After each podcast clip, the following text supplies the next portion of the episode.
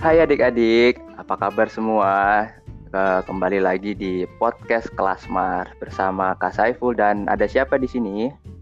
Ada Kak Uci, adik-adik. Halo. Ya, jadi uh, kita kembali lagi dalam podcast Kelasmar. Kak Uci, apa kabar nih sebelumnya? Alhamdulillah sehat Kak Saiful. Kak Saiful gimana? Ya sama Kak Uci, Alhamdulillah uh, kabar Kak Saiful baik-baik saja. Ini sudah minggu keberapa ya Kak Uci kita di rumah ini? Waduh, udah sebulan kayaknya ya Kak Saiful. Terakhir iya. itu kita libur tanggal 17, sekarang udah tanggal 16 aja. Wah, udah sebulan ya. Cukup lama ya Kak Uci. Ya pasti bosen ya Kak Uci ya bosen banget sih Kak Saiful. Tapi ya mau mau gimana lagi juga buat kemauan kita ya Kak Saiful ya. Betul. Jadi uh, Kak Saiful dan Kak Uci tetap uh, ingin memberikan materi kepada adik-adik yang kali ini kita uh, coba materinya lewat podcast lagi. Jadi pada ke podcast kedua ini adik-adik kita mau bicara tentang sumber daya alam dan hubungannya sama COVID nih Kak Uci. Wah seru nih kayaknya Kak Saiful. Iya pasti seru dong sama Kak Saiful dan Kak Uci. Nah okay. Kak Uci. Ya. Uh, kalau kita lihat keadaan sekarang ini hmm. uh, jalanan sepi. Terus orang-orang uh, banyak yang di rumah. Kira-kira pengaruhnya apa ya Kak Uci ya sama sumber daya alam ya? Mungkin dari ini kali ya kak ya kalau kalau kak Uci lihat nih adik-adik ya uh, dari sebelum ada corona sama setelah ada corona sampai saat ini uh, dari suh dari udara sih kak uh, Saiful. Oh iya iya iya. Udaranya terus dari lihat uh, awan juga tuh cerah banget, biru banget gitu. Mungkin dari yang presentasi adik-adik yang buat kemarin tuh Kak Saiful yang mading ya, 3D. mading 3D ya? Iya, mading 3D kan. Nah, itu juga kelihatan sih mereka juga eh, adik-adik juga udah paham sih perbedaannya uh, seperti apa.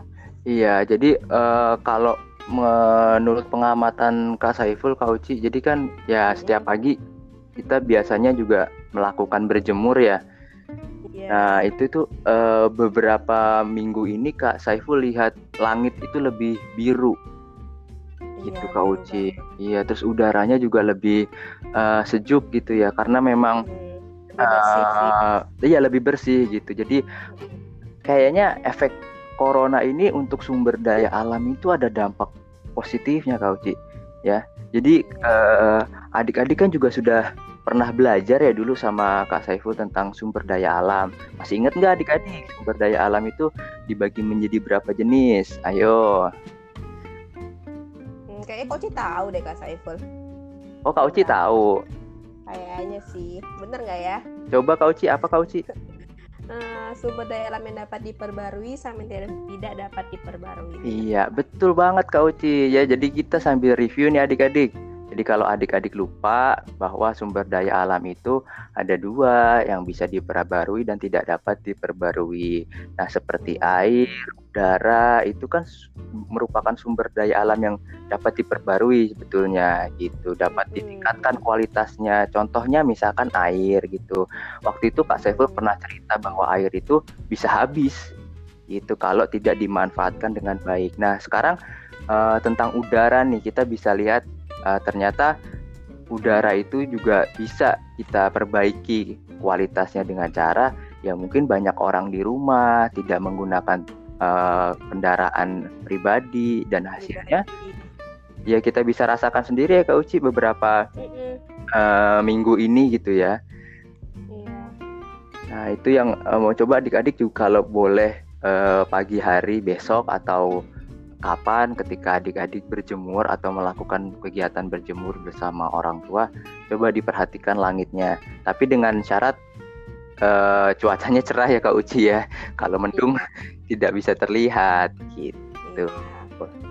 Iya. Nah, kemarin Kak... juga ini ya. mau sedikit sih. Kemarin juga pernah lihat di Instagram gitu. Jadi Instagram Jakarta Info kalau uh, ada foto yang diambil dari seperti dari gedung yang cukup tinggi ya. Iya iya. Nah, kayak ada perbandingan gitu jadi sebelum terjadinya covid itu bersama sekali gunung tuh tidak terlihat dari oh iya betul kak Saiful juga lihat itu kak Uci iya nah setelah uh, saat terjadinya covid ini wabah ini malah gunung tersebut terlihat dengan sangat jelas. Berarti kan artinya tidak ada polusi ya kak oh iya berarti pandangannya bisa lebih luas gitu ya karena tidak tertutup udara-udara kotor.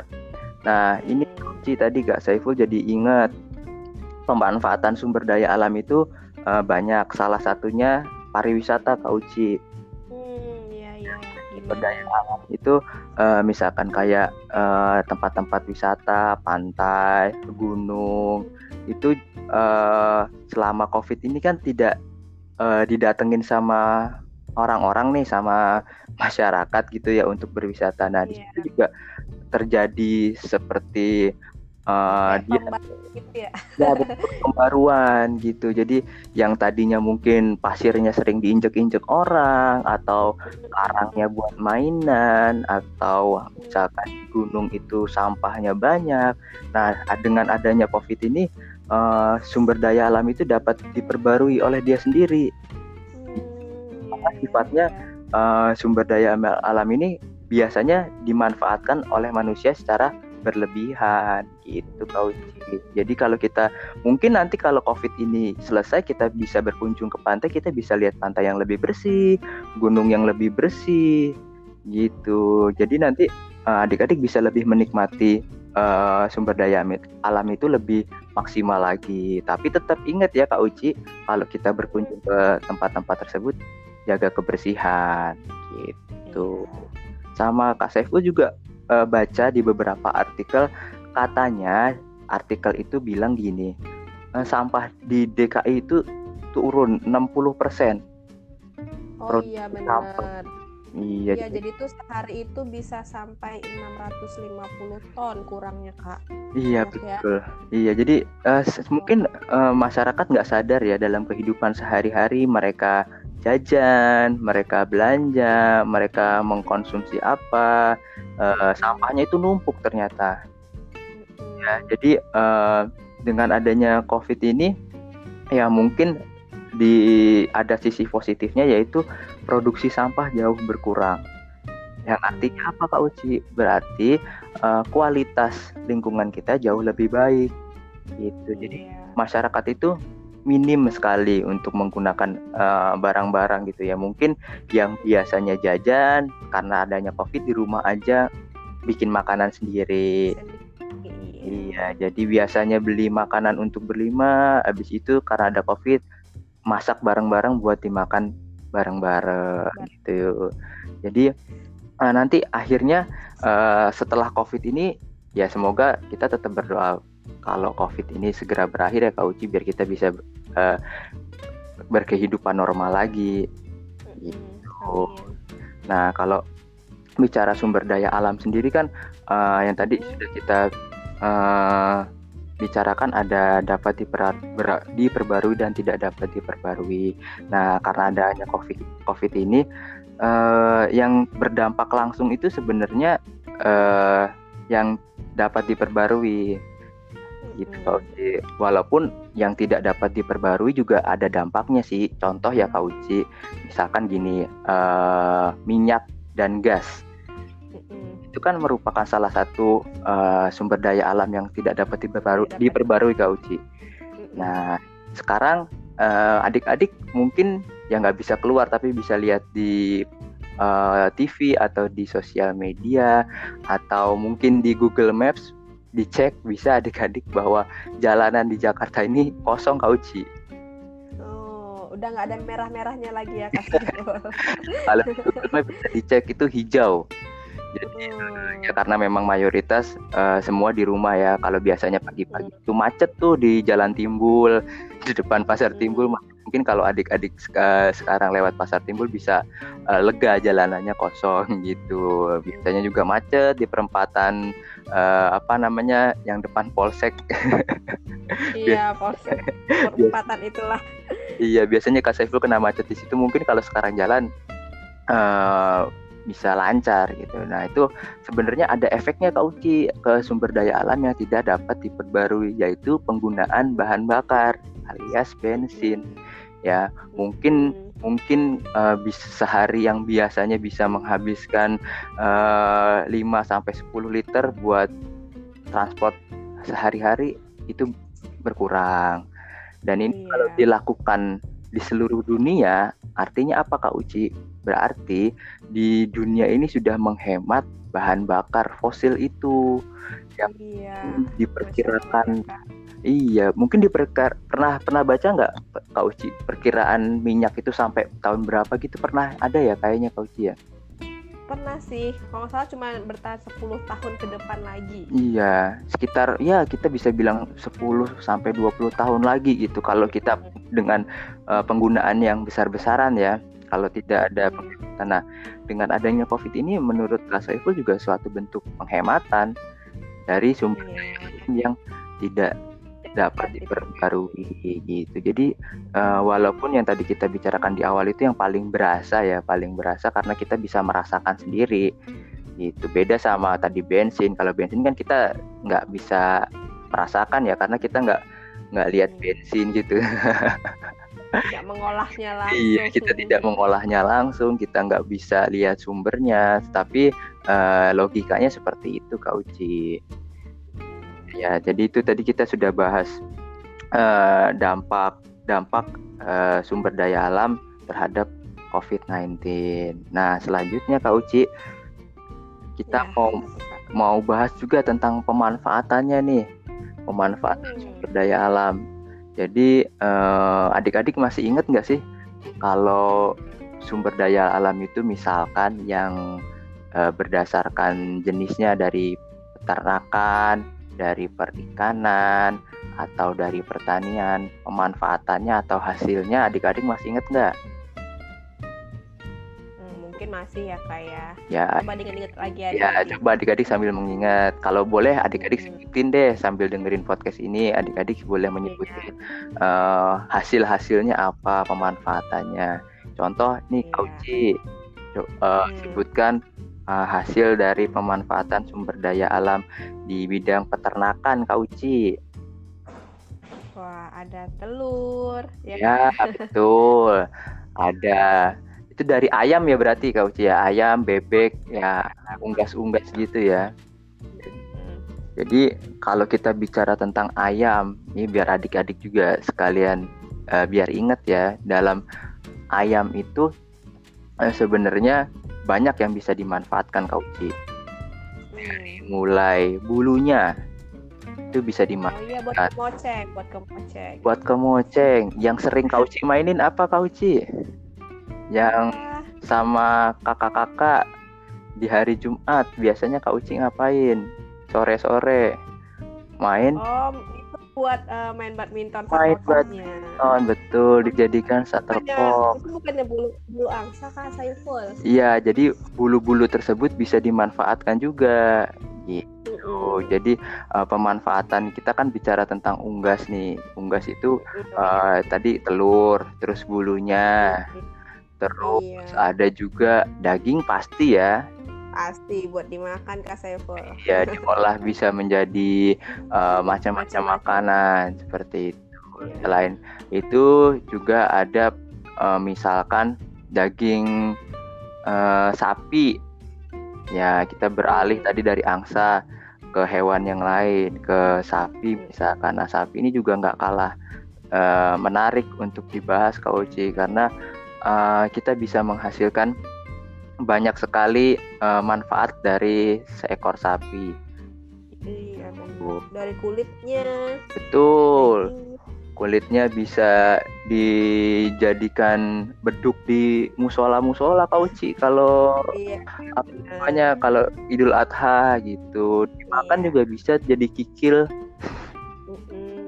Kerupuk kulit juga ada tuh kasih. Iya, betul. Itu obat iya bisa jadi uh, kerupuk kulit, terus bisa juga dagingnya pasti ya bisa jadi berbagai jenis berbagai. makanan. Iya. Dari mulai stick sampai bakso. Aduh jadi lapar ya. Iya ya kita belum belum makan siang nih. Jadi ngomongin makanan. Sama Kak Saiful seringan keseringan ngomongin makanan nih. Pasti kalau ada adik-adik dia juga bilang gitu kak. Kak lapar kak jadinya kak. Iya selain itu juga uh, dimanfaat. tuh, kak? Dimanfaatkan susunya juga bisa kak. Terus kalau di pedesaan biasanya uh, selain sapi ada kerbau.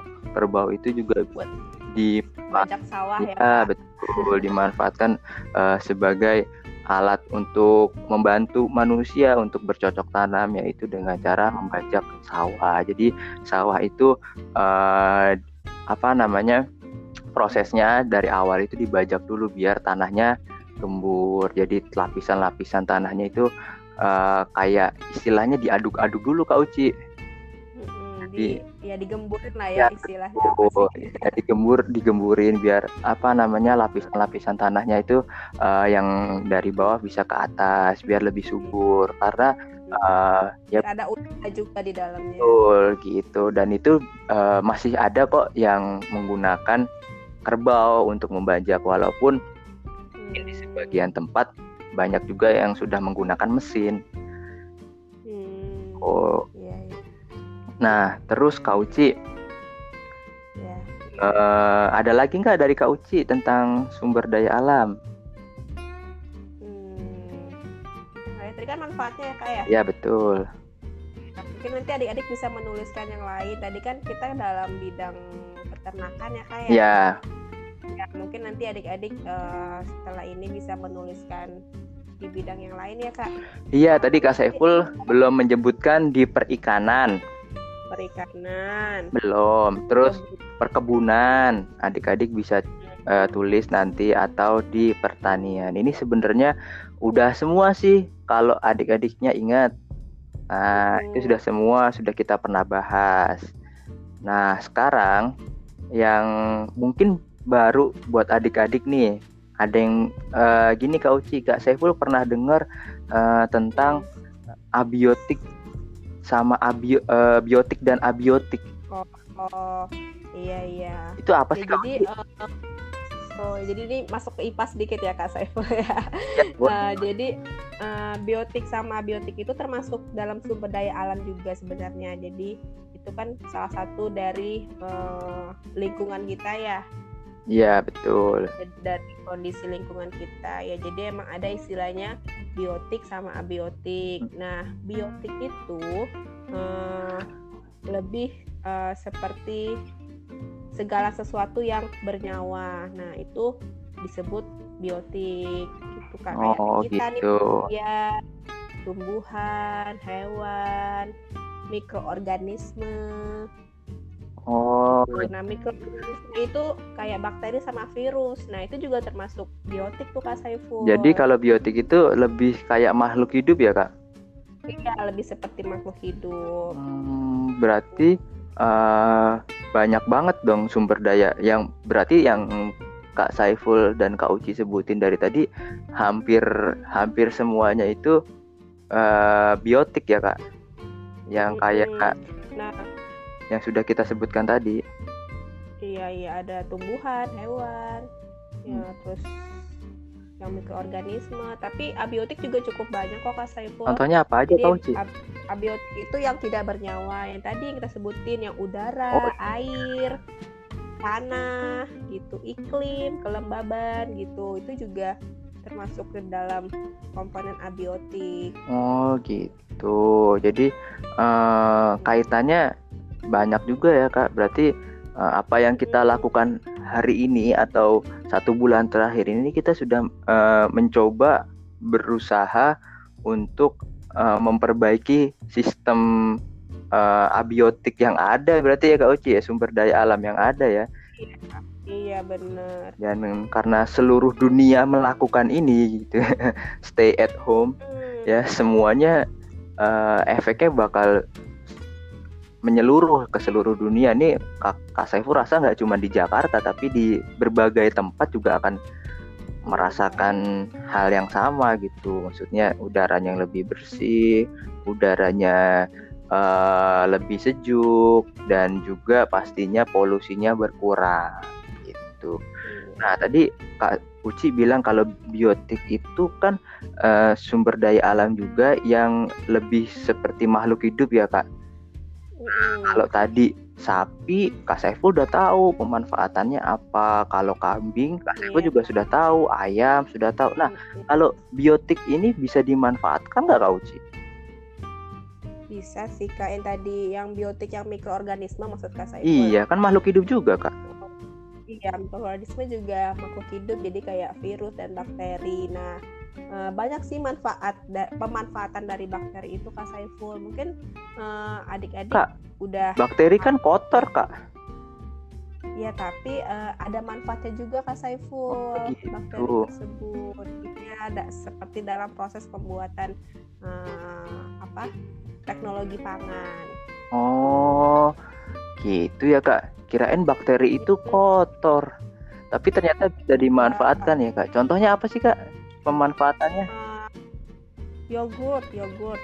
Nah itu kan uh, susu ya ya aslinya susu cuman uh, jadi ada kita butuh uh, bakteri butuh bakteri untuk uh, namanya bakteri probiotik. Oh apa kak? Bakteri pro probiotik? Biotik oh. iya. Nah, itu bakteri yang sehat untuk tubuh kita. Oh. gitu. Itu salah satu contohnya. Berat. Gitu. Jadi tuh bentuknya kayak fermentasi sih kak. Jadi bakteri ini muncul uh, dari makanan yang telah difermentasikan. Oh gitu. Tapi ini makhluk hidupnya kita nggak bisa lihat ya kak Uci ya? Kan kalau ayam kalau kambing nah, kelihatan nih kak Uci. Kalau iya, bakteri itu nggak bisa dilihat ya kak Uci ya?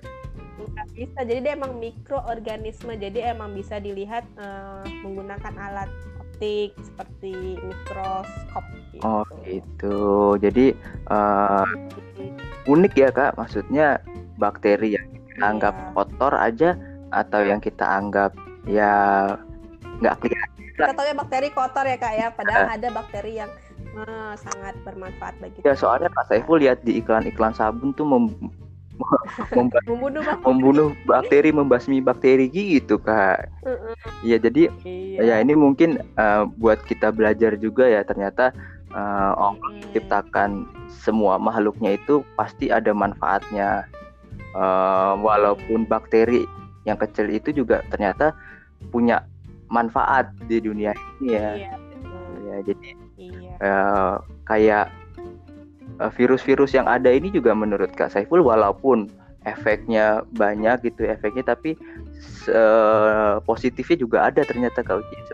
Sama kayak iya jadi jadi mungkin Allah juga uh, Tuhan juga ciptakan virus bakteri itu pasti ada uh, tujuannya iya ada manfaatnya. Jadi meskipun nggak kelihatan meskipun mungkin nggak bisa dilihat tapi perannya itu kita bisa rasain. Pasti deh adik-adik pernah minum yogurt atau adik-adik makan tempe atau uh, tape.